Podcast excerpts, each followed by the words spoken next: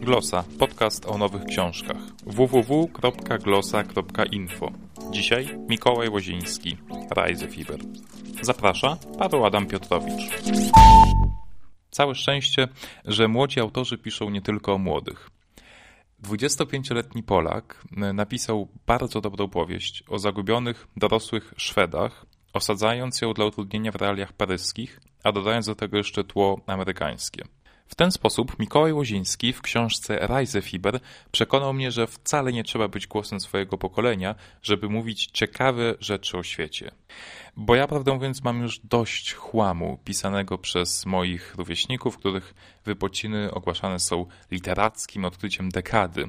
Najczęściej robią to podstarzali wydawcy i krytycy, którzy tylko czekają, aż gdzieś pojawi się jakaś gwiazda o sile supernowej.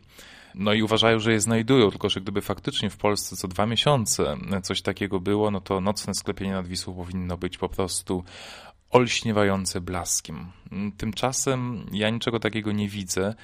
Moim zdaniem nowi autorzy mają dziwną skłonność do pisania o znajomych ze swojego środowiska, wychodząc ze słusznego zresztą marketingowo założenia, że sytuację z życia kumpli najłatwiej zaobserwować, spisać, no i oczywiście sprzedać. Tymczasem Łoziński w świetnym stylu pisze o ludziach, z których najmłodsi są starsi o niego o dobre 10 lat, tak nie przymierzając. To nie jest pisany w konwencji bloga zlepek opowiastek, ale przemyślana proza z konstrukcją i doskonałym warsztatem literackim. Książka reklamowana jest przez wydawnictwo, wydawnictwo Znak, jako pierwsza literacka podróż. No i zaczyna się a jakże od podróży. Daniel Rice, bohater książki, mieszka w Nowym Jorku, ale na wiadomość o śmierci matki leci do Paryża, miasta swojej młodości. Tam się wychował.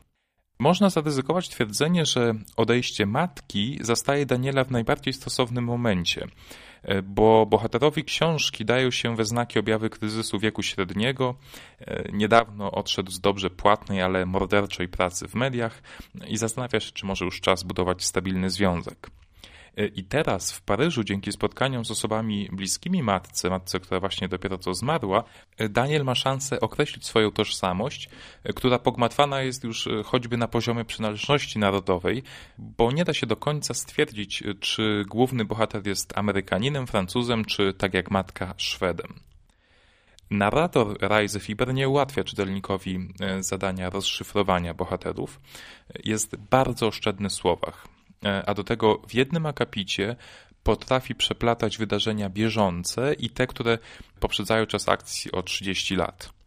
Mimo to wszystko układa się w bardzo logiczną całość, a retrospektywy to często tylko pojedyncze obrazy, uchwycone z fotoreporterską precyzją i dynamiką. Zresztą warto wspomnieć, że autor książki Mikołaj Łoziński para się fotografią, publikował swoje fotoreportaże m.in. w magazynie Rzeczpospolitej. Wszystkie wydarzenia opisane w książce łączy motyw przemieszczania, do którego odwołuje się tytuł książki bo Reisefieber to przecież niepokój wywołany podróżą, ale można tu patrzeć się tutaj również innej gry słów.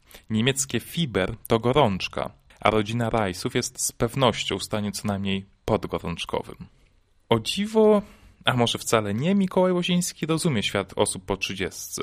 Powiedziałem wcale może nie, dlatego że jak pisze wydawca na okładce książki, Łoziński pracował również jako asystent niewidomej psychoterapeutki, zresztą niewidoma psychoterapeutka pojawia się w książce i odgrywa bardzo ważną rolę.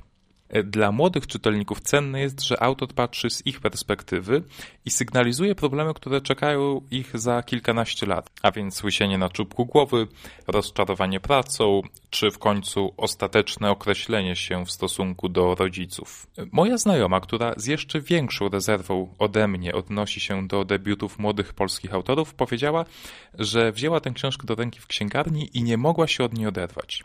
No i to prawda, bo tę książkę chce się czytać i nie zapomni się jej tak, jak zapomina się treść internetowego pamiętnika po zamknięciu przeglądarki.